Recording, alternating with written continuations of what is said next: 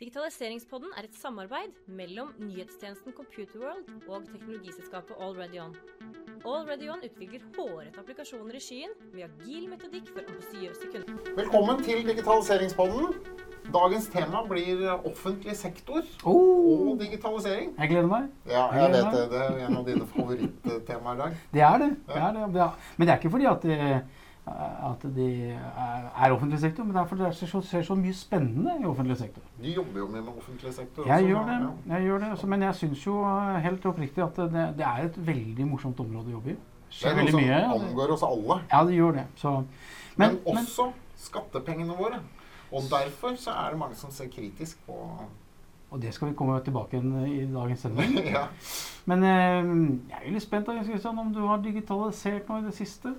Det er et dumt spørsmål kanskje, men, men eh, hva, har er nytt siden sist? Det er i hvert fall en trend da, som jeg har lagt merke til, som er eh, eh, veldig inn nå for tiden. Og det er noe jeg også tror både er offentlig og privat sektor, og det er e-learning. Altså for etter at koronaen kom, og man ikke treffer hverandre like mye, så er det mange som snakker om hvordan man skal drive med upscaling, eller um, med, med um, education. Altså Ja, utdannelse. under, undervisning, Undervisning, Ja, mm. av ansatte. Og så ser jeg at det, det, det kommer mye systemer, mange som er interessert i, i systemer som lærer folk noe på nye måter og bruker kunstig intelligens og, og, og legger opp sånne kursløp. Hele dette edtech-området er jo i stor bevegelse. Og jeg treffer også stadig, stadig vekk startups eller virksomheter som vil inn på, det, på, dette området. Så Men, og det tror jeg de, altså, som jeg opplever det, for jeg snakker jo en del med folk i offentlig sektor, og jeg opplever at det er mange startups som faktisk har fått fotavtrykk i offentlig sektor. Det er ikke de store playerne som nødvendigvis eh, vinner, vinner plass. Det er eh, mange startups. Så det er jo morsomt. Ja. og Vi driver jo også med et pro prosjekt nå, eller som vi er snart ferdig med, der vi driver og kartlegger kompetansen og profilen til folk. Og det er jo veldig morsomt. Og det, for det, så fort du er liksom ferdig med den, så er jo det neste scaleup. Så, Ja, så, ja, så det er litt moro å holde på og, og snart sette i gang med å utvikle på også. Ja. Det skjer ting. Vi må over til uh, gjesten. Dette ble spennende, spennende gjest som har spisskompetanse innenfor uh, offentlig sektor. Mhm. Og vår gjest i dag, det er Rune Hjortdal, som er administrerende direktør i Vivento. Velkommen! Takk for det. Veldig hyggelig å bli invitert hit, og veldig godt å komme seg ut av hjemmekontoret. Alle sier det at det er deilig å komme ut av hjemmekontoret. Ja, det begynner å bli nok nå. Ja. Vi hører jo på, på dialekten at du ikke er, her er fra Oslo. Ja, det, det stemmer, det. Er det, vi skal litt nordover. Vi skal nordover. Eh, ikke helt eh, Ikke nord. helt, nei. nei. nei, vi skal til Dønna, til, eh, til Helgelandskysten. Der Ja. er fortsatt uh, har vel noe hint av dialekt, uh, sjøl om jeg har bodd uh, sørpå i, i mange år. Ja. Er du båtmann, da, eller? Ja, jeg er veldig opptatt av båt. Ja. Jeg har dessverre ikke båt ennå. Uh, her nede, men eh, det kommer nok. Men eh, det har vært mye båtferie og båtliv opp gjennom uh, oppveksten. Ja. Ja. Mm, mm. Men em, jeg tenker em, Når du da kom fra, fra Helgelandskysten, du er glad i båt. em, hva annet drev du med da når du var ung? Ja, altså jeg, eh, jeg er jo eh, eh, Jeg har jo vokst opp i en sånn eh, kjøpmannsfamilie, så det har blitt prata politikk og butikk ved middagsbordet. Var det den lokale kjøpmannen? Ja, det var, det var ikke dagligvare, men det var trelast og litt fiskemottak og lakseoppdrett og eh, litt sånn. Så det var å drive eh, næringsdrift, da. Ja. Eh, Det, det, og det ble man jo fort eh, vant med å både måtte trå til og jobbe i familiesjappa helger og kveld og, og ferie og sånn. Og det, det er veldig fint. Ja. Det er det. Er bra for ungdommen det er å bygge bygget litt karakter gjennom å, å jobbe. Ja, nå har jeg inntrykk av at kanskje i hvert fall her at det er nesten en luksus å få sommerjobb og få tilgang til å få jobba. Men jeg hørte at det var veldig mye etterspørsel etter nettopp fiske... eh, Folk både på båt og mottak eh, nordover nå. Ja, så kanskje så- kanskje kan det lokke til seg noen søringer? Ja, Om de er til brukende, da? ja det, var- det var jo det, da. Ja. Om, man, eh, om man kan gjøre denne omstillinga. Ja. Det er vanskelig, da. Skal du sende en ungdom opp da til nord uten at de har noe sted å bo, en Fortnite-spiller som, skal- som skal ut på sjarsken. Ja, ja, nei, jeg ser den. Jeg skal begynne å skjære torsketunger. Ja, du kan ikke skyte fisken her. Nei. Men, men du hadde jo eh, altså, ja, eh, mye handel, mye politikk i, i familien. Eh, musikk. Og så var det musikk, ja. Ja. Jeg er jo eh, Jeg spiller jo tromme. Og, og det har liksom vært musikken som har vært min interesse hele tida. Starte å spille i band på barne- og ungdomsskole. Rock'n'roll. Rock'n'roll? Ja. Det var rockeklubben, og, og den har jo blitt korpspappa og sånn sett følger musikken fra den kanten, men det var ikke det som fanga, meg. Nei. Det var, det var, Favorittband? Det var Kiss og Var Kiss? den, og så ble det prog-rock og, og alskens. eh, alskens. Og, og begynte å spille i coverband og, kom tidlig inn i band som hadde bandbuss, og som kjørte rundt og spilte på fest og bygdefest og klubber. Hvor gammel var du da? Nei, jeg var ikke gammel nok. Var ikke gammel. jeg tror nok jeg var vel fortsatt på ungdomsskolen, så jeg ble nok, jeg ble nok lurt inn Jeg kom sist inn i lokalet, for å si det sånn, før de andre i bandet ble tatt imot. Ja, riktig. Ja. Ja. ja, ja, men det var vel på den tiden så var vel det litt innafor, var det ikke det? Ja, vet du, jeg, jeg tror jeg kom inn akkurat når det fortsatt var mye bygdefester. Og så, og så ble det mer og mer slutt på det. Så ble, selv ytterst i distriktet så ble det nattklubber og noen puber sånn som tok over. Men, eh, men jeg var jo sånn at jeg fikk den erfaringa at jo lenger ut i øynene du kom, jo villere ble det. Ja. Så, Men du, for de yngre lytterne våre, hva er en bygdefest? ja. ja, nei, altså, det var jo Det er jo vanlig at man har sånn samfunnshus eller ungdomslagsbygg, da. Mm. Uh, og da inviterte man til eh, fest, og det som var litt spesielt med det, er at man måtte ikke være 18 år for å komme inn. Sånn at eh, Det var vel mer sånn uskrevne regler at var du konfirmert, så, eh, så fikk du lov til å eh, komme. Og det er mange sider ved det, med, med, med de bygdefestene, men det som kanskje syns har- hadde noe ved seg, var det at unge og gamle festa sammen. Mm. Så du hadde alle generasjoner samla, og de yngste de ble passa på og sett på og tatt vare på, ikke minst.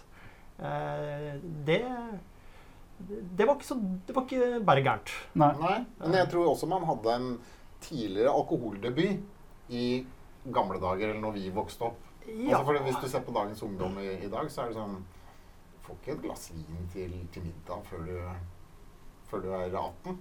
I hvert fall hjemme hos, hjemme hos meg. Og jeg, da tror jeg at alle andre har det på samme måte også. Mens det var ikke sånn eh, på 70-tallet eller 80-tallet. Da var det Nei, greit, liksom. Det kan nok godt Bare hende. konfirmert. Ja, og man hadde nok, det var nok mange som møtte he- det heimelaga brygget Mm. ganske tidlig ute på, ute på bygda. Og, men så var det noe med det at så var det kanskje det det var. Det var kanskje ikke så mye andre ting. Og så eh, når det ble knuffing og slåssing, så var det stort sett en knyttneve til at noen fant ut at nå er det nok. Ja. Og så var det noen som sa at nå, nå må dere holde fred. Nå, nå er dere ferdige. Men jeg må jo si at uh, dette tror jeg det videre òg. For jeg, jeg, du var i Garden som Ja. trommis. Ja, jeg var det. Altså jeg, jeg, etter å ha gått musikklinje i Mosjøen og vurderte seriøst å bli musiker Jeg Ja. hadde et år i, i Garden og, og fikk reist litt både inn- og utland med å uh, drille med trommestikket og, og, og gjøre show. Så, eh, så, så ble jeg Jeg fant ut at nok var nok. Ja. Og så endte jeg opp i Bergen på Handelshøyskolen og skulle bli Det var jo litt av en tverrvending, da. Ja, det kan du si, men jeg har egentlig bestandig fra, fra nesten, nesten barneskolen tenkt at enten så blir jeg eh, det jeg kaller økonom nå Jeg, jeg, tenk, jeg kalte det vel sikkert kjøpmann, det som min far var, ikke sant? Mm. Eh, eller musiker. Det var de to valgene jeg hadde. Og jeg hadde sånn omtrent like lyst til begge delene helt fram til Men det høres ut som du har egentlig fått lov til å være begge deler, da. Ja. Ja. Og det, jeg tenkte faktisk eh, på Før jeg skulle begynne å studere, så tenkte jeg at jeg kan være musiker på hobbybasis resten av livet og bli økonom. Men jeg kan ikke bli økonom på hobbybasis og leve som, eh, som Ikke musiker. sant? Da. Så, og veldig fornøyd med det. Hadde Mange som driver med sånn daytrading på, på siden av absu absolutt. Og det Men du ble Sivak, Ja. og det- så etter det så var det ute i consulting, eller? Eh, nei, da gikk jeg ut til finans. Ja. Eh, jeg, det var litt tilfeldig, jeg hadde ikke noe brennende ønske om det.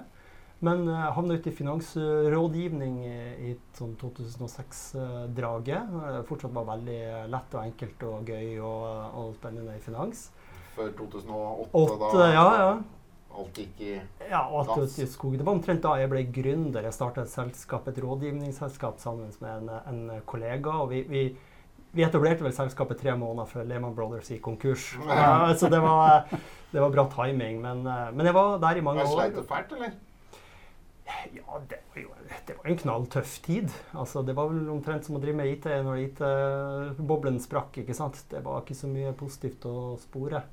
Jeg holdt jo, startet jo allerede i 2008. 2007, 2008. Det var ikke mye salg du fikk det Nei. første året. Altså. Det var, Nei. eh, alle bare satt helt stille i båten og skulle vente på at det gikk over uten å gjøre noe endring. Ja, Vi starta fra scratch og, og sånn sett hadde ingen kunder og jobba oss opp. Men det var gründerreisen, og det syns jeg det er veldig artig å bygge selskaper. Og, og sånn sett eh, drev med det eh, i det selskapet helt til jeg eh, hoppa av finans og fant ut at jeg skulle prøve meg innenfor konsulentbransjen.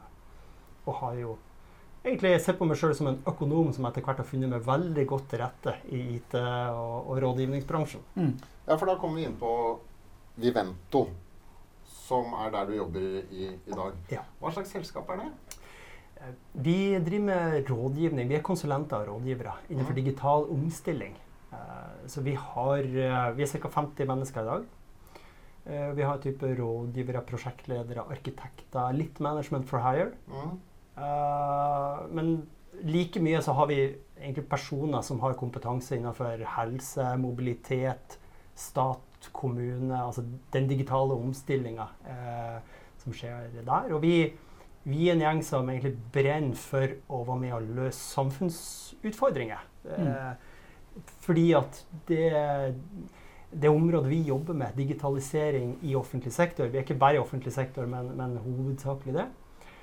Det, det er så viktige prosjekter. Det påvirker oss som innbyggere, som skattebetalere, som privat næringsliv. Det betyr noe. Og, og det merker jeg at det engasjerer folkene våre veldig. Mm. De, Men hvilken fase er dere i da? For et typisk prosjekt starter jo med at man, man har et behov, og så må man spekke opp det behovet eller prøve å Mm. finne ut, uh, sette litt ord på det. Og det er jo noen spesifikasjonsfase eller uh, forprosjektet tilsvarende. Og så er det jo selve leveransen, og så, og så er det kanskje det verste. Det er å begynne å ta det i bruk Ja. på riktig måte. Og få alle til å spille med. Er dere med på hele den uh, Vi med, reisen? vi er med på hele reisen, og vi er, altså vi er, på, vi er på kundesida. Så vi er jo aldri på leverandørsida. Vi har ikke noe system å, å levere. Nei? Men uh, et eksempel er jo eh, at vi, vi har jobba med tematikken deling av data. Og det er ganske mange år siden at vi, vi skrev en rapport for Kommunal- og moderniseringsdepartementet om stordata og bruken av det. Ja. Eh, og eh, som følge av det så eh, fortsetter vi å jobbe med Digitaliseringsdirektoratet med å lage konsepter for det her i offentlig sektor. Og nå har vi også vært med og lagd en nasjonal verktøykasse for deling av data sammen med Digdir. Så du si er med, med hele, hele veien, egentlig, på, på det. Ja, det er noe som Stefan Suturus også Han har jo vært her to-tre ganger. Så, Ja, ja. Som han brenner for, det med, med Ja. deling av, av data. Ja. Men hva er, det- hva er det for en verktøykasse? Er det API, eller er det at det skal være et RIST-plattform, eller hva? Ja, det er jo, kan si, det er jo Foreløpig er det jo versjon 1, da, så det er nok mange planer for hvordan det skal tas eh, videre. Men det går på veiledere og malverk og hvordan man skal gå frem. Det skal rett og slett være en verktøykasse som skal hjelpe deg som virksomhet. Hva gjør du hvis du enten ønsker å dele data med andre, eller hvis du ønsker å benytte data fra andre Mm. eh, virksomheter. Eh, og Internt i offentlig sektor, eller også mot privat? også ut mot private og, eh, og frivillige. Ja. Eh, fordi vi genererer jo, det kan vi jo komme tilbake til, men vi genererer så enormt mye data. Mm. Og, og utfordringa vår i samfunnet nå handler jo om kan vi gjøre denne dataen til kunnskap, til tjenester, til nyttig informasjon. Mm. Eh, vi vet at vi klarer å lage det, og vi kan beregne det og, og sånn, men uh, det, er noe, det er noe som gjenstår før vi får full verdi ut ifra, det. Men jeg tenker um, øh, som en forlengelse av det Hvis vi ser på samfunnet Norge, uh, hvilke, hvilke utfordringer er det vi står overfor fremover som dere ser fra, fra deres perspektiv? Ja, jeg, eh, jeg, jeg liker å starte litt sånn på toppen for å liksom skjønne meninga med det hele. Mm. Uh, Og vi har jo noen veldig sånn, kjente utfordringer som samfunn. Vi har jo altså, pensjonsutfordringer med at vi blir færre arbeidstakere per pensjon, pensjonist. Samme, Men det løser vi med kunstig intelligens? For det blir jo ikke noen arbeidsplasser igjen når eh, ja, den, uh, ja, men så har vi samtidig masse behov Revolusjonen er ferdig. også, Men så trenger vi mange arbeidsplasser innenfor helsesektoren. Ja. Det vet vi også. Ja, det er fysisk arbeid. Ja, ikke sant? det er fysisk arbeid. Oljepenger tar slutt, og ikke minst bærekraft. Og jeg tenker at det at vi lykkes med å digitalisere offentlig sektor, det er enormt viktig både for næringslivet, for oss som innbyggere, og ikke minst for tilliten til offentlig sektor sjøl. For at vi som skattebetalere og innbyggere faktisk skal godta og akseptere og bruke de offentlige tjenestene. Mm. Uh, så eh, det, jeg tenker at vi er litt sånn helt uh, og, og, vi, de her store utfordringene de klarer vi ikke å løse uten digitalisering. Digitalisering er ikke det eneste svaret, men, men, men det er helt klart en kjempeviktig del av svaret. Ja. Digitalisering og innovasjon. Altså det å finne på nye ting.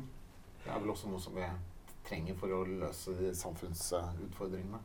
Ja, og innovasjon i, i, i, alle aspekter. Ikke bare det å finne opp den nye dingsen, men finne opp hvordan du skal bruke den din, dingsen. Ja. Altså, hvordan du skal levere tjenester. Det, det er mange typer, typer innovasjon som må til.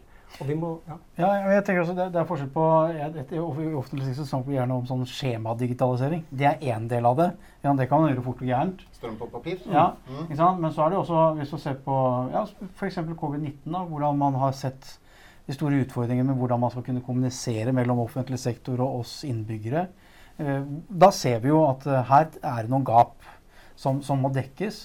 Og så har man jo da, Men jeg også da, får lov til å skryte litt da, av offentlig sektor. Jeg syns jo at det, eh, veldig raskt har kommet gode løsninger eh, på noen av disse områdene som, som har, eh, ikke antakeligvis hadde kommet eh, i et vanlig tempo. Eh, eller en vanlig, mm. normal situasjon da, i samfunnet.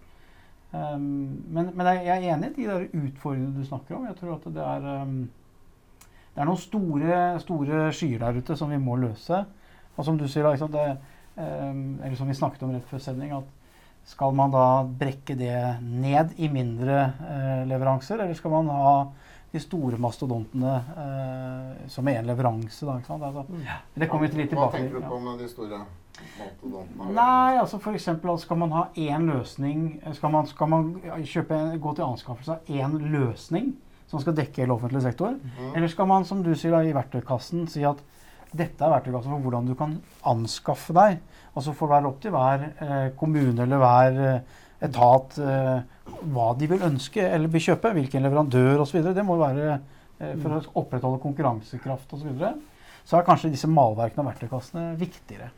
Ja, og, og jeg, jo, syns det er mye mer spennende å diskutere hvordan kan vi løse det. Mm. Altså, eh, hvordan skal vi gjennomføre prosjekter? Eh, hva er det som skal til? Og det er jo en altså Digitalisering en, har pågått uh, lenge, og det kommer til å pågå lenge. Dette er en svær omstillingsprosess. Uh, ja. uh, og, og, det er masse utfordringer, men, eh, men jeg, vi, vi, må definitivt snakke om, om, det som skjer i offentlig sektor. For det skjer mye spennende, sam, og samtidig så er det mange, mange utfordringer. Men jeg, jeg, opplever jo at når jeg snakker med folk som ikke jobber med digitalisering i offentlig sektor, så får man fort den der at ah, ikke, der er det veldig tregt, og der skjer det ingenting, og der er det byråkratisk. Og, og, og, alt det der finner man eksempler på, men, men, det er veldig lett å finne eksempler på det motsatte også. Mm. Ja.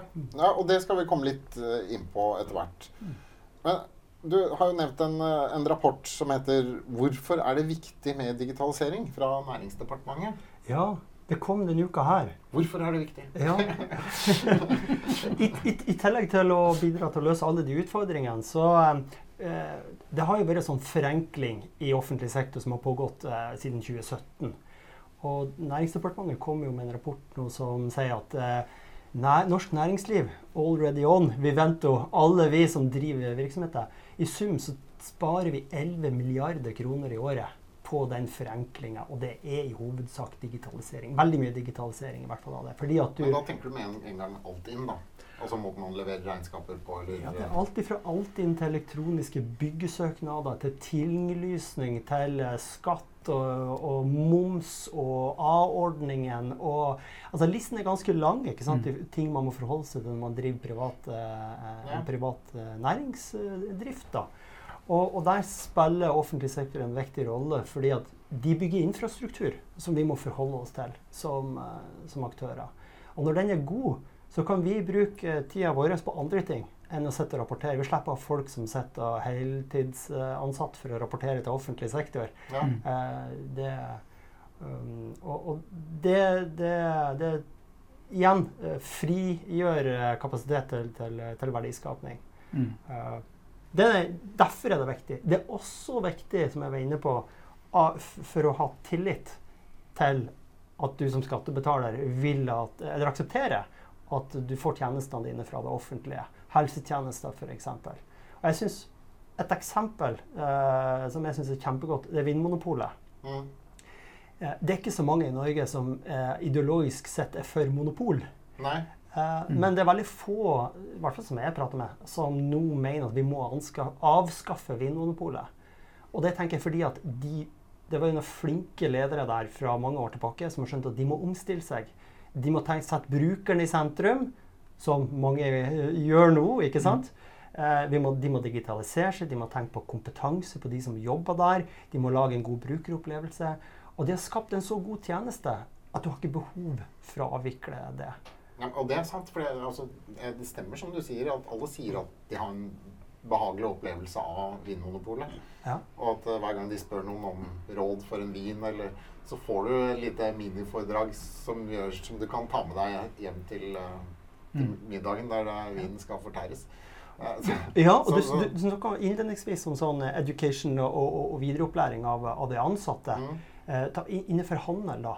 Så hvor mange kjeder og virksomheter er det som kan skryte på at sine ansatte er like flinke og har god på kundeservice og har god kompetanse på varene som de som jobber på, eh, på Vinmonopolet? Mm. Altså, De er fremst i løypa. Sikkert mange flinke, men jeg opplever ikke når jeg er i alskens butikker for å si det sånn, at nivået på de som, som, eh, som jobber der, er, er, er helt på, på høyde med, med de på Vinmonopolet. Eh, og det, det er bare rett og slett fordi de er så innmari gode. De er skikkelig flinke på det. Men de har, jeg har snakket med en som jobber der, altså, som jeg kjenner litt, grann. Og hun fortalte at um, den, den jobben hun jobbet eh, fredager og lørdager, eh, for da er det mye folk. Og hun sa at eh, det er det som er den fine jobben min. Den vanlige jobben. Den, eh, den er kjedelig. Men, men det å få, få jobbe på Vin- Vinmonopolet og treffe alle disse hyggelige menneskene, også kundene, som er i godt humør, for alle er i godt humør når de skal kjøpe Ja. alkohol, det, det var en fin opplevelse. Det, det ga henne energi. Ja, og, du, og, så har du, er litt vinn-vinn. ja, og da har du tillit, ikke sant? Og du kan snu det der på samme måte som når du skal ha helsetjeneste. helsetjenester. Om det skal ha eh, sykehjemsplass til, eh, til dine gamle foreldre, eller om du får eh, bli syk eller unger som er syke. Så handler det om å bygge et offentlig tjenestetilbud som er så bra at du faktisk velger å bruke det, Mm. sjøl om du har alternativer. For vi kommer uansett til å bruke mye penger på det så da, som samfunn, og da må det være, må det være bra. Og så er det jo det sant, med, med oljen tar slutt og alt det der. Det vil være konstant press mot offentlig sektor på å få eh, mer tjenester, og bedre tjenester ut per krone. Og det klarer du ikke uten digitalisering. Nei. Mm. Så det var svaret på hvorfor er det viktig å digitalisere. Ja. Men en av de tingene som vi også er litt så spent på, for det har jo nå kommet ut en helt rykende fersk rapport Ja. fra Abelia. Mm. Kan ikke du fortelle, dra oss litt gjennom det? Ja. Jeg, eh, altså jeg, jeg, jeg er jo i rådgiverbransjen, og, og vi leverer inn til uh, offentlig sektor. Mm. Og for eh, en menigmann som leser avisen om eh, konsulenter i offentlig sektor, så er det vanskelig å finne artikler som, eh, som, som, som fremstiller det på en positiv måte.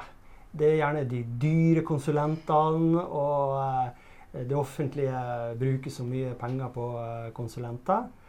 Og det, det skurrer litt i mitt hode egentlig ganske lenge. fordi at eh, når jeg prater med kundene våre, så er mitt inntrykk av at de eh, setter pris på eh, oss, at vi leverer verdi, og at ikke de hadde klart å gjøre den nødvendige omstillinga uten oss.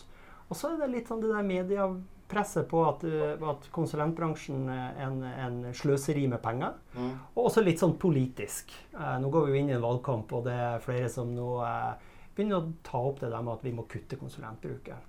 Og du lurer på hvorfor det. Og, og det, det interessante med den rapporten som, som Menon og Abelia har, har, skrevet, det er jo at de har spurt både private og offentlige om bruk av rådgivernæringa, som, som vel er Norges femte største næring, hvis du husker riktig, i, i verdiskapning.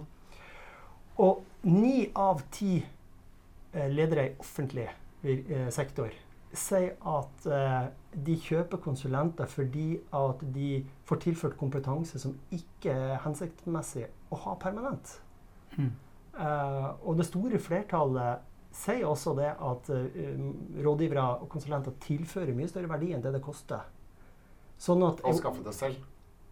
Ja, altså det de betaler for å, ja, altså. å, å få tak i konsulenter, verdien som leveres, er større, er større. Er større enn timeprisen. Ja selv om at ja, det, det er en høy, høy timepris eh, hvis man ser lønn sammenlignet med, med en, en, en, fast ansatt. Men da får du en spesialist. og det de, altså, de peker jo gjerne på, på, tre ting. Det er at man tilfører kompetanse som man ikke ønsker å ha permanent, for det er midlertidig.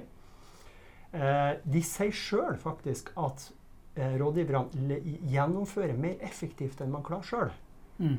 Uh, og man det gir en ønsket fleksibilitet i forhold til bemanning. ikke sant? Det er ikke sånn at du nødvendigvis trenger en ekspert på innføring av et sak- og arkivsystem til enhver tid. Du skal ha det systemet. Og da tenker du og merker du at det er effektivt å ha en som har gjort det før, en som kan det her, til å hjelpe meg. Og så er det ut med han. Så har du andre behov. Da trenger du noen som skal kartlegge brukerreisen fordi at du skal få bedre tjenester mot innbyggeren.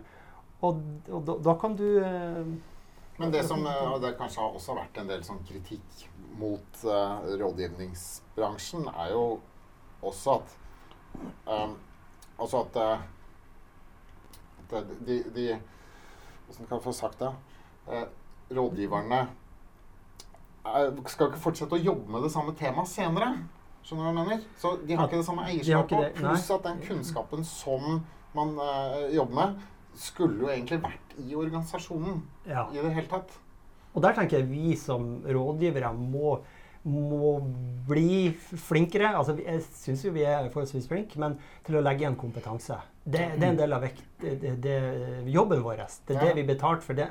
Altså added value altså, i, i, tillegg til å gjøre jobben. Og eierskapet blir igjen i organisasjonen etterpå? Ja, det må bli igjen. Altså, du kan si, for Vi driver jo med erfarings- og kunnskapspollinering. Vi går inn i en, en moden organisasjon uh, og gjennomfører et prosjekt, så tar vi med oss de erfaringene. Så kan vi gå inn i en mindre moden virksomhet og, og, og, og overføre den kompetansen, de, de, erfaringene. Men da må vi være veldig flinke til å, å gjøre det. Uh, og vi må lære opp kunden. Og vi kan ikke bare gå inn og, levere noe og så, og så stikke uten å lagt igjen noe, noe større verdi. Eh, og det er klart, vi, vi, må også være de første til å erkjenne at det er jo eksempler på huskonsulenter som har bare blitt sittende inne. Mm. ikke sant? Um, og det er vel de som blir dratt frem da når det er noe negativt omtale? Ja, og det er lett å finne eksempler som man liksom kan uh, se på som uh, ikke bra. ikke sant? Og, og, kanskje i større grad tidligere kjørte man de kjempeprosjektene ikke sant? Mm. som har så stor i omfang. Og hvis du da har noen nøkkelleverandører som begynte å telle opp antall millioner som har gått til det konsulentselskapet, så, så tenker man at det, det er ikke bra. Mm. Og det, er ikke, det, er ikke noe gøy å skrive om hva som har gått bra. Nei. Det, det, er reklame, det. Ja, ja, ja ikke, ikke, sant. Men, men uh, vi har jo så veldig mange gode eksempler inn, altså på, på vellykka digitaliseringsprosjekter som, mm. uh, ja, som selvfølgelig ikke selger like mye aviser. Men du sier jo noen er digitalt modne, noen er ikke digitalt modne. Hva, hva, er statusen for digitalisering i offentlig sektor? Ja, Det strekker feltet. Vi kan starte ja. der. Mm. Eh, fordi at vi har noen virkelig fyrtårn, ikke sant? Eh, og det er gjerne de største. Skatteetaten og Nav, for å trekke fram et par eh, eksempler, er jo kjent for å være modne organisasjoner. De driver de er gjerne først ute med å begynne å jobbe smidig. De, de tenker nytt og, og, har veldig mye flinke folk. Uh, og, og, er også de som kanskje er flinkest til å kjøpe inn konsulenter, fordi de vet hva de vil ha, og de klarer å utnytte den kompetansen på en, på en god måte. Men da er de flinke til å spisse det, altså den typen kompetanse de vil ha også, sånn de ikke kjøper generelle konsulenter, men konsulenter som har den kunnskapen. Ja, men de er også flinke til å få inn rådgivere der de, eh, for, Ja. å, for å spille på lag. Så det er ikke bare duer. Mm. eh, Oppgaver de, de er flinke til å eh, hente inn, med. de, de søker eh, råd og, og klarer å Og det, det er så spennende å jobbe der, så de tiltrekker seg jo flinke rådgivere også. Men, men det er jo ikke det store flertallet av offentlig sektor. De fleste er jo middels eller små kommuner. Det er tilsyn, det er direktorater, det er helseforetak som ikke har de samme musklene til å bygge opp egne organisasjoner. Ja, liksom Det å ta steget fra å være forvalter til å faktisk være innovativ, er jo et steg å ta. Og det krever ressurser og, og, og økonomi. Ja, Dag, du var jo innom at, eh, tidligere at det var eh, ganske stor forskjell på størrelsen på IT-avdelingen i en kommune. Ja da, det, det, det finnes gode eksempler på kommuner som ligger eh, nabokommuner, hvor du har i den ene kommunen store IT-avdelinger, eller stor IT-avdeling, mens i nabokommunen så er det én IT-ansvarlig. Eh, men de skal utføre de samme oppgavene. Så alle kommunene skal i prinsippet levere de samme tjenestene. Eh, og, og det er jo helt urealistisk at man eh, skal kunne forvente samme kvaliteten altså, og, og samme Man har ikke de samme ressursene, den samme kompetansen. Uh, og, og det er en stor utfordring i offentlig, i offentlig sektor, fordi at du ja, du har veldig strekk i feltet. Men som siden jeg jobber med det her, så, så er jeg jo litt opptatt av å framsnakke alt det bra. For det er mye bra. Og jeg, jeg tenker at eh, noe av det som har skjedd, er det at det er kommet mye flinke folk inn i offentlig sektor. Og flinke og modige ledere Ja. som eh, det er vel litt sånn, eh, Man sa det, i hvert fall har jeg hørt det ved flere anledninger for en stund siden, at er du leder i offentlig sektor, så er det viktigere å ikke feile enn å få til noe. Ikke sant? Det er den tryggheten, eh, og så kan man diskutere hvor sant det var. Men jeg opplever nå at i hvert fall innenfor digitaliseringsfeltet at det er kommet inn mange med sterkt engasjement som tør å prøve noe nytt, som vil innovere, som, som, eh, som virkelig står på og brenner for det. Og det krasjer nok litt med det tradisjonelle fylkeskommuneinntrykket vi har. ikke sant? Men da syns jeg vi skal eh, faktisk dra fram med han Stefe Sutorius som har vært hos oss et par, par Ja. ganger. Tre, tror jeg det var. Ja. Ja. Eh, og Digitaliseringsdirektoratet. Eh, jeg syns jo altså det som var tidligere Difi og, og Altinn, som nå har blitt Digidir, da. Mm. Eh, enormt mye som kommer ut av, av den, den polen nå. Fordi nå før så var det liksom flere småpoler som ikke sant? Nå har du liksom samla kompetansen og, og kraften da, et sted. Eh, Du nevnte jo digital verktøykasse. altså Det er masse engasjementer eh, og initiativer som kommer ut av DigiDiv for tiden. Mm. Som jeg syns er kjempespennende. Og ikke minst dette der med deling av data Ja. i offentlig sektor. Ja, og du, vi er jo ikke flere mennesker her enn at vi, vi må liksom samle oss litt for å få de virkelig sterke fagmiljøene. Uh, og, og, og gjør vi det, så kan vi jo ha en ambisjon om å lage løsninger i verdensklasse. Altinn er jo det. Det er en løsning i verdensklasse. ikke sant? Uh, og, og vi kan ha de ambisjonene på mange, mange områder i, i offentlig sektor. Og da uh, ja, jeg er enig i at det, det er et veldig godt eksempel på et uh, miljø der man har samla seg. Man har sett det at vi trenger noen felles måter å drive prosjekter på. Et felles språk. Vi trenger å, å få både teknologien, men også regelverk, rammeverk, eh, for å kunne dele data på, eh, på tvers. Eh, og så eh, er det jo sånn at når det kommer til deling av data, så er det vel der vi står nå, jeg opplever at det er ikke teknologien som er den største utfordringa. Det er regelverk og juss rundt Mm. personvern og eierskap til data. Det er kultur. Eh, det er vel sånn fortsatt at de fleste kunne tenke seg å få data av andre, men ikke så opptatt av å bruke tid på å gi data. ikke sant? Det, det er noe med det å gjøre. Og så må man, må man premiere, premiere det og, og legge til rette. Mm. Eh, og det er jo kjempeviktig. Og, og det er jo et, et sånt mer, litt mer konkret eksempel på det er jo innenfor helsevesenet. For det er jo eh, kjempeviktig at den dataen vi har om deg som pasient, er der når du trenger den. Mm. Ikke sant? Men eh, bare på Oslo universitetssykehus så genereres det nå 40 000 dokumenter i døgnet. Ikke sant? 40 000 dokumenter. Hva, hva er det, da? Ja, det er jo alt fra epikriser til uh, ja, uh, you name it, resepter og, og uh, Ja. sikkert veldig mye forskjellig. Hvor mange pasienter er det der? Ja, det, det, husker jeg ikke i hodet, men det er jo mange. Så hvis det er 1000 eh, pasienter, så er det, ja, det er jo, 40 dokumenter per eh, Det er jo riks Hvis det bare hadde vært i pasientsammenheng, så er jeg enig, men det er vel litt andre det er dokumenter er Jeg bare prøv å forstå hva slags ja. dokumenter det er.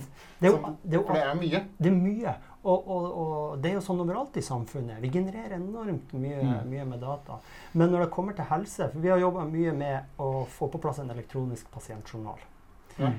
Og, og, det er jo sånn eh, Når du er pasient, så vil du gjerne at den legen eller helsearbeideren vet det som er viktig å vite om deg. Og der igjen er det jo Vi er ekstremt opptatt av eh, informasjonssikkerhet, personvern, ikke sant? At, eh, at det her ikke kommer på avveie. Og, og, det er en kjempeutfordring som kan løses. For dette er jo supersensitivt. Ikke sant? Mm. Ja. Og noen sykdommer er enda mer sensitive enn andre. Så ja. du helst ikke vil at det skal verken altså deles til andre helsearbeidere heller, kanskje. Ja, ikke sant. Og det starta jo med at regjeringa hadde jo for noen år tilbake en ambisjon om én innbygger, én journal. Men hvem skal ha innsyn i denne journalen til enhver tid, ikke sant? Uh, det, Hva betydde det? Med én innbygger én journal? Er det én per kommune? Eller? Nei, Det betyr at deg, uansett hvor du er hen i Norge, mm. har samla dine helsedata. Så det kan jo hende at du som innbygger ønsker å ikke bruke ditt nærmeste sykehus hvis du f.eks. skal få utført en abort eller bli behandla for rusbehandling. Det kan jo hende at du har familie eller naboer som jobber på det sykehuset. ikke sant? Mm. Uh, og da de har tilgang til den dataen, er jo veldig, veldig viktig. Men så Uh, uten å gå altfor i detalj, så er jo Helse-Norge komplekst. For vi har jo fire regioner. ikke sant? Mm. Sørøst, vest, midt, nord. Vi har spesialhelsetjeneste med sykehus. Primærhelsetjeneste i kommune. Vi har uh, statlige, kommunale og private helseforetak. Og i prinsippet så skal alle de her ha tilgang til, uh, til denne dataen. Ja. Mm. Så, så og personen selv skal bestemme hvilke data som går hvor. Men sånn sett så kunne du jo hatt en, en journal der utgangspunktet alle registreringer var låst, og så kunne du logge deg med bank-ID eller noe, så, og så åpne fordi du ville at de skulle ha? Ja, men hvis du er på, du er på ferie på Sørlandet og så av en eller annen grunn blir nødt til å trille inn på en ambulanse på akutten der, så har ikke du mer bank-ID så du kan sørge for at ja. de kan ha tilgang til den dataen. Mm. Men da kunne vi kanskje overstyrt da, med en eller annen krisegreier, og da skal det være en logg inn i, ja. sånn at du vet hvem som har fått innsyn ja. i de dataene. Dette her er jo litt sånn en parallell, da, men den gangen før, før, vi fikk lov til å teleportere, at vi fikk lov til å portere numrene våre, ikke sant? Ja. På at jeg kunne gå fra Telenor til Telia og få med meg nummeret mitt. Mm det er litt der vi er i helsevesenet nå. For du har disse fire Jeg hørte det jeg sa det, at det ble helt feil. Og så håper jeg på at du ikke skulle arrestere meg. Jeg ble så glad når du sa det. Ja, ja. Vi har, har, du ikke fått med deg det? Hallo, liksom. Men, men, uh, men uh, der er vi litt på utfordringen ennå. At uh, disse fire, Sørøst og Vest også, de har ikke det samarbeidet. For de har noen grunnleggende arkitekturer IT-messig som, som ikke foreløpig samarbeider så godt? Ja, man har jo prøvd å løse det på litt ulike måter. Mm. Eh, I midt og i sørøst og, og, og, i nord. Og det er litt fordi at man har kanskje eh, skjønt at vi skal ikke nå sette i gang det gigantprosjektet og lage en løsning for alle. Man har liksom tilnærma seg det her på litt ulike måter. da. Mm. Uh, og det er, det er enormt komplekst når man skal ta, ta inn over seg alle altså, alt fra integrasjonsproblematikk og arkitektur og den tekniske siden av det, til uh, lovhjemling av det. Ikke, altså, ikke, det at du skal få tilgang til det, men at du som virksomhet kan dele med en annen virksomhet. Uh, mm. Ikke sant? Og det er sånne, sånne, utfordringer. Og det er en del av, av digitaliseringa. Og det også litt derfor vi, vi, bruker å si digital omstilling, fordi at uh, det det er veldig så mye den omstillinga og alt det rundt teknologien som egentlig er det som er endringen. Ja, for Når du sier digital omstilling, så tenker jeg på menneskene ja. oppi det hele. Og det er også en, en stor prosess å få endret kulturen eller få endret kompetansenivå på en, en hel masse mennesker. Mm. Få dem til å jobbe på en annen måte. Ja. Ja, det er eh, nesten umulig. Ja. Og, og, Folk vil jo ikke gjøre ting på en annen måte. Forandringer smerter. Nei, ja, det gjør det. Mm. Og, og det er klart kompetanse på å drive endring er kjempeviktig i en sånn, eh, sånn prosess. Og, eh, og der opplever jeg ok, kanskje, kanskje det tok litt tid sånn generelt i offentlig sektor at man, eh, at man begynte å bli endringsvillig og sånn, men der syns jeg det er mange som er på, på vei. også. Men hvordan får man til den kulturendringen? Eller den der endringsviljen blant Ja. mennesker? Jeg tror jo Er det eh, kurs? Nja, jeg vet ikke kurs, altså, men jeg, jeg nevnte jo det der med off- ledere, modige ledere. Mm. Det tror jeg eh, er viktig. At du faktisk har ledere som tør. Og at du har eh, ledere over ledere Mm. som tør la ledere feil. Ikke sant? Ja. Sier det at OK, det er, vi har prøvd, og vi må Det er litt sånn som vi eh, kanskje er mer vant til i litt sånn private virksomheter. At eh, nei, vi må, vi må tørre, og så må vi ha litt takhøyde, og så må vi gå på trynet av og til. Altså, det, det må faktisk også være sånn. Og så er det litt sånn at eh, enkelte plasser i offentlig sektor så, så får det dessverre store konsekvenser med å tryne. Altså det Hvis du eh, plutselig eh, jobber med IT, og så har ikke kirurgene tilgang til eh, rett informasjon, så kan det ha eh, alvorlige konsekvenser. ikke Så dør det folk. Ja, da, Da, det dør det folk. Litt mindre prøving og feiling akkurat, eh, akkurat der. Men, men, jeg bare tenker på det der i privat sektor, hvis vi skal endre et eller annet, så er det typisk at vi, har, vi kjører noen sånne workshops, vi har noe, noen brainstorming sessions, vi stemmer over hvor vi skal gå, ikke sant, og så blir det frisert litt, og så blir det liksom en plan som du liksom har fått hele alle de som skal jobbe med ting, Mm. er med på det liksom, og Mm. føler at de har deltatt i det. Mm. Gjør de det på samme måten i offentlig sektor, eller er det for mye styrt hva de skal gjøre ut ifra fra Tildelingsbrevet. Ja. Mm, mm. Jeg synes jo, for, for å skyte inn der, han Svein Christensen, eh, lederen av Digitaliseringsrådet, Mm. de kom jo med en rapport. Og den rapporten, eh, den største eh, komponenten de fant da, i den, under det året, det var jo å kunne fortelle den gode historien. mm. Som nettopp gikk på det at hvordan ledere skal fortelle, stake ut en kurs og, fortelle organisasjonen hvorfor vi skal gjøre dette, og hvordan vi skal oppnå det. Nettopp sett for at folk skal få lov til å få den, eh, den, det eierskapet til det. eh, Og forståelsen for hvorfor vi eventuelt skal gjøre en endring. Da. Og det gikk veldig mye på dette med hvordan lederskapet skal gå foran og fortelle. Mm. Og få med seg hele organisasjonen bredt. Da. Mm. Og det er klart, det er en forenkling av det. det er, når man skal gjøre det, så er det sikkert mange prosesser man gjør inni de Mm. delområdene. Da.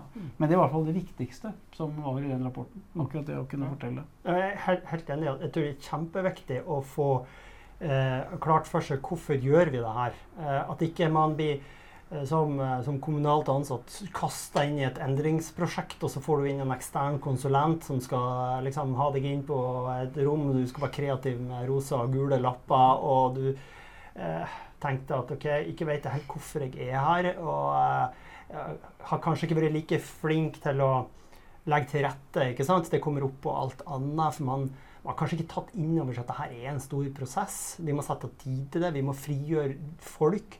Det, jeg tror modninga har gått opp. At man har sett at det er ikke er et quick fix. Det er ikke sånn vi får inn i et nytt system, vi kjører et veldig kort uh, løp, og så eh, tegner vi opp en ny prosess, og så distribuerer vi den på intranettet, og så er good to go. Mm. Det er ikke sånn det funker. Og det har man kanskje erfart. Og, og da er man kanskje litt mer over på at det her er ikke en engangsendring. Vi jobber smidig og agilt, vi jobber i kontinuerlig endring som organisasjon. Sånn at vi, vi, vi driver hele tida på å omstille oss og jobbe med hvordan leverer vi vil levere tjenester. Og, og det, det opplever jeg at det er flere og flere også i det offentlige som, som har den tilnærminga. Mm. Ja, Det er ikke noe engangsgreie, det er en tilstand man er i. En kontinent, ja. Men, men hvordan foregår det i praksis? For det er jo sånn som dere driver med i selskapet ditt. Ja. Sant? Og, da har dere folk som er on site, da. Ja. Gitt at det ikke er eh, korona close down. ja. Ja, så, så går dere rundt i kommunens eh, kontor og Jobber med endringsledelse, har workshop eh, der du samler de som skal jobbe, eh, jobbe med, altså i prosessen eller med løsninga. Eh, ta de med. For det første så må du ta de med tidlig. ikke sant? Du, du må ikke Du må ikke bare komme med en løsning og si nå skal du bruke det, og så spurte du aldri hva var deres behov som saksbehandlere. Høringsutvalg og Nja, du kan jo si at klart, det er mye forankringsarbeid i offentlig sektor. Det, det må sies. Kanskje mer enn eh, enkelte andre sektorer. mm. Men det å komme tidlig på banen, det er at hvis du skal lage en digital løsning for byggesøknader, så må du ta Hvem er det som jobber med byggesøknader i kommunen? Ja, ikke sant? Du må, du må ta de med. Du må vite hva, hva er deres innspill. De sitter jo med masse fagkompetanse, med masse erfaring. Og jeg tror liksom Skal du få de med på endringen, så må de faktisk være med på å lage den løsninga.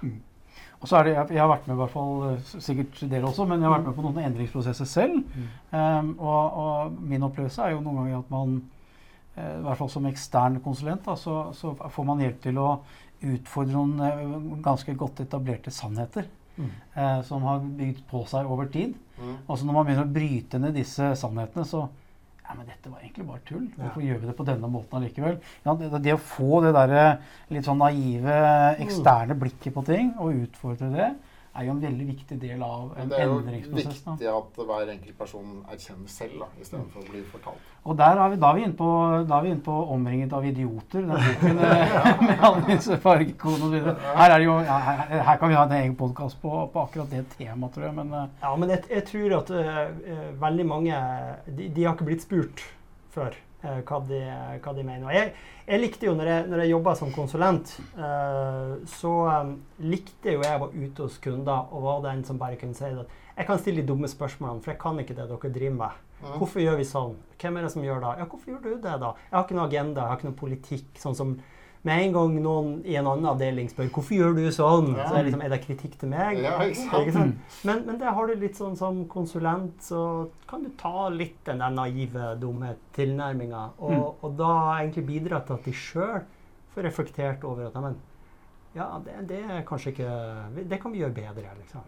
Ja. Så, Jeg vil jo også, Når vi snakker om dette med hvordan statusen for digitalisering i offentlig, offentlig sektor er, så, så syns jeg Vi skrøt jo litt av, av eh, direktoratet osv. Mm. Men jeg syns også, eh, som leverandør inn mot offentlig sektor selv, så må jeg skryte litt av, av eh, flere og flere eh, anskaffelser som går i retning av innovativ anskaffelse. Og da tenker jeg altså sånn, bare for å sette ord på det, Mm. fra liksom ha den derre spekken med x antall hundre ja-nei-krav, mm. eh, til nå å spørre mer hvordan tenker leverandøren seg å løse våre behov innenfor dette området. Mm. Altså, man- få lov til å skyte inn Ja. at innovativt det er jo da nytt, nyttig og nyttiggjort. De trenende. Mm. Ja. Ja, riktig. Ja. Men, Så, men, så da, når vi kommer innom innovasjon, så må de dekke de, de Mm. ikke sant? Ja. Men jeg synes i hvert fall, jeg ser et skifte. Jeg vet ikke om du opplever det samme? Jo, eh, kanskje ikke så mye som jeg hadde håpa. Nei, ok, ja. men, men helt klart.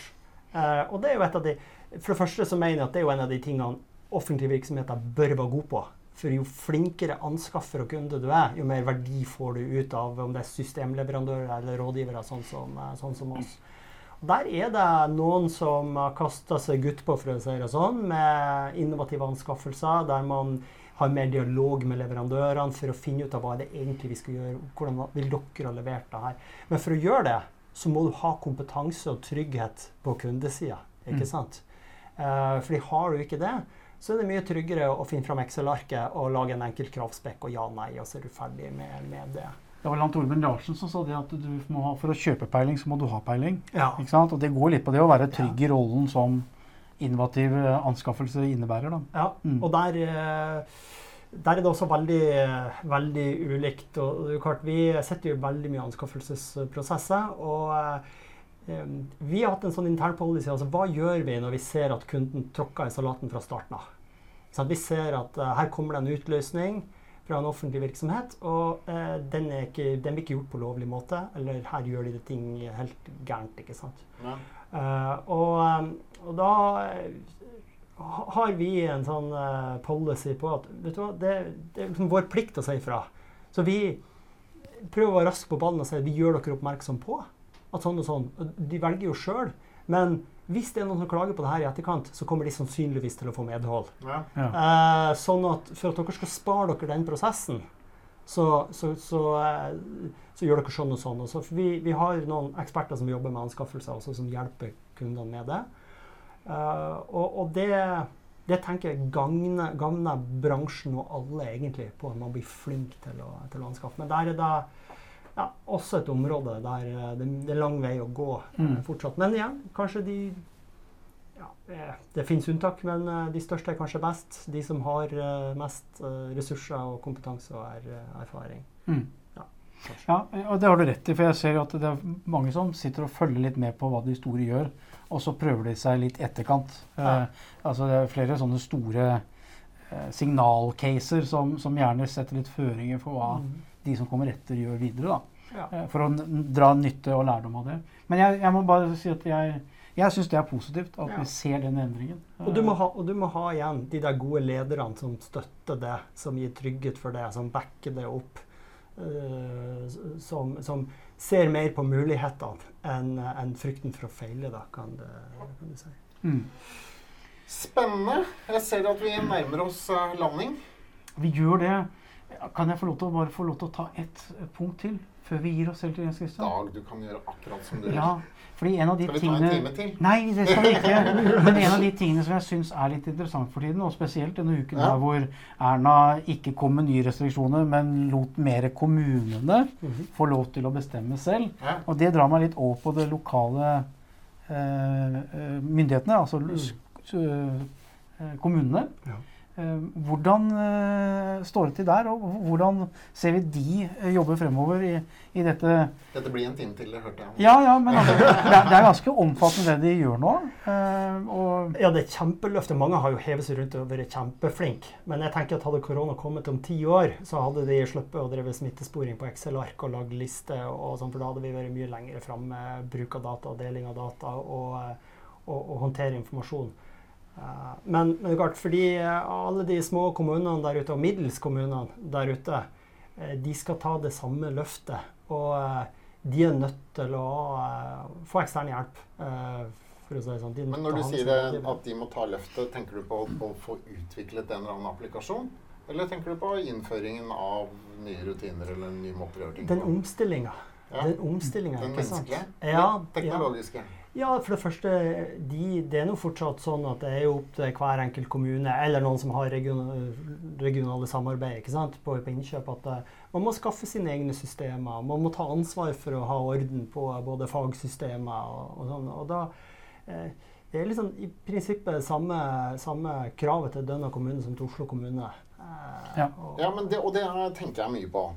Hvorfor er det ikke på, på samme system? Altså Hvis Oslo kommune og denne kommune har de samme behovene, Altså, hvorfor skal da både Oslo kommune og Dønna kommune sitte og ha skal vi si, lange anskaffelsesprosesser på noe som kunne vært en software as a service-sentral løsning? da? Du kan jo si at De skal i prinsippet eh, yte de samme tjenestene, men eh, med fare for å ta en sånn Oslo-Molde-diskusjon her, så har, så, så, så har jo helt klart Oslo andre utfordringer enn de små eh, kommunene har med kompleks, kompleksitet og størrelse osv.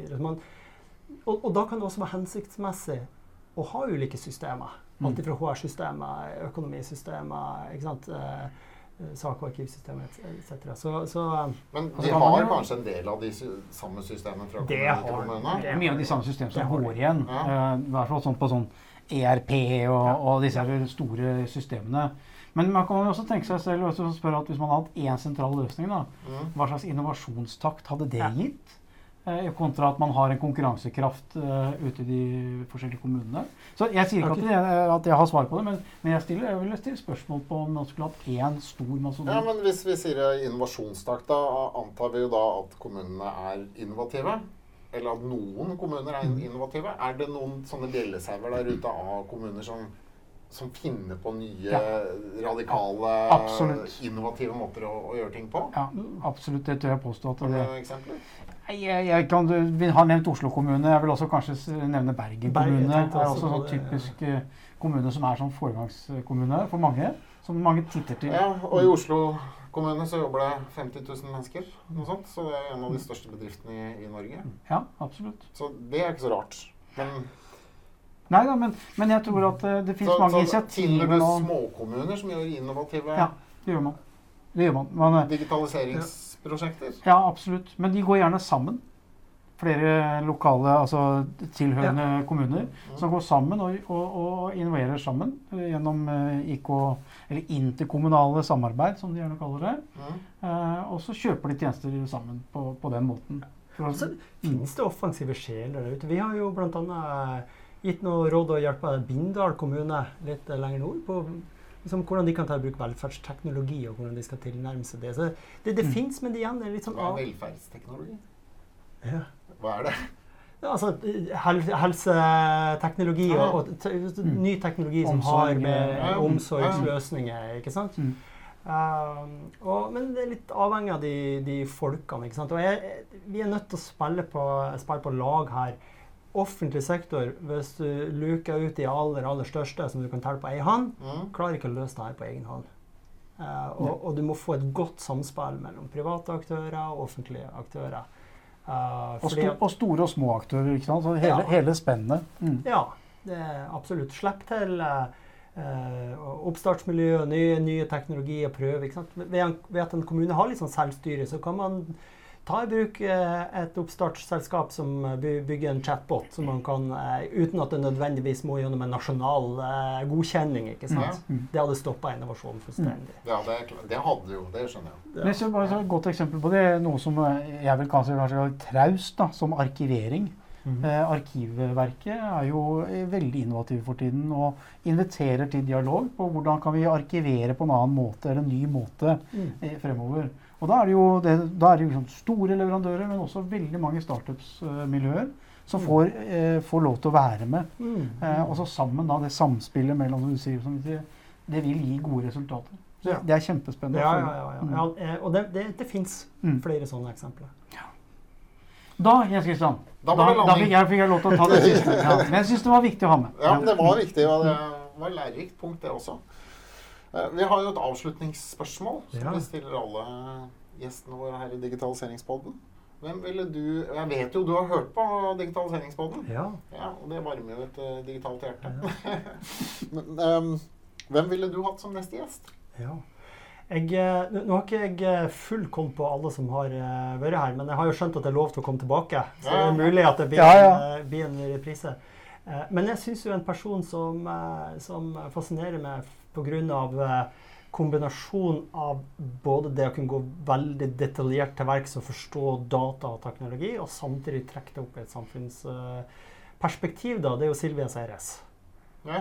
Uh, hun syns jeg er fascinerende å, å høre på, og har eh, mange gode tanker om uh, også offentlig sektor, og hvordan, eh, hvordan man skal Silvia Ceres. ja. Hvor er sitter, vi, vi vet du hvilket selskap hun eller Er hun i offentlig? Ja, no, nei, nei, nei, hun er jo eh, altså, eh, Med fare for å ta feil nå, så er det vel eh, Hun har jo bakgrunn fra Google og, og Ja. bak i Silicon Jeg har hørt noen andre podkaster med henne. Ja, ja, ja. Så, men nå er det vel Med fare for at jeg tar feil, så er det vel Learn, som, og en, en, en plattform for deling av kompetanse og kunnskap innenfor digitalisering. Eh, og, og litt sånn eh, education eh, der.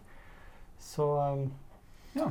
Så Silvia, hvis du hører på, og det må hun vel nesten Ja. gjøre, for det er jo digitaliseringspodden, um, kan ikke du sende meg en mail på post.allreadyon.com, så får vi booket deg inn? Ja, gøy. Ja. Ja. Da tror jeg vi avslutter her. Så jeg sier tusen takk for at du eh, kom. ja, tusen takk for at jeg fikk eh, være med. Veldig hyggelig. Ha det. Takk til alle nerder, savvies og futurister som gir digitaliseringspodden mening. Dag og Jens Kristian blir kjempeglad om du abonnerer og gir oss en strålende anmeldelse. Vil du lære mer om digitalisering, kan du laste ned digitaliseringsguiden fra allreadyon.com slash digitalisering. Til vi høres igjen, ha en fantastisk uke.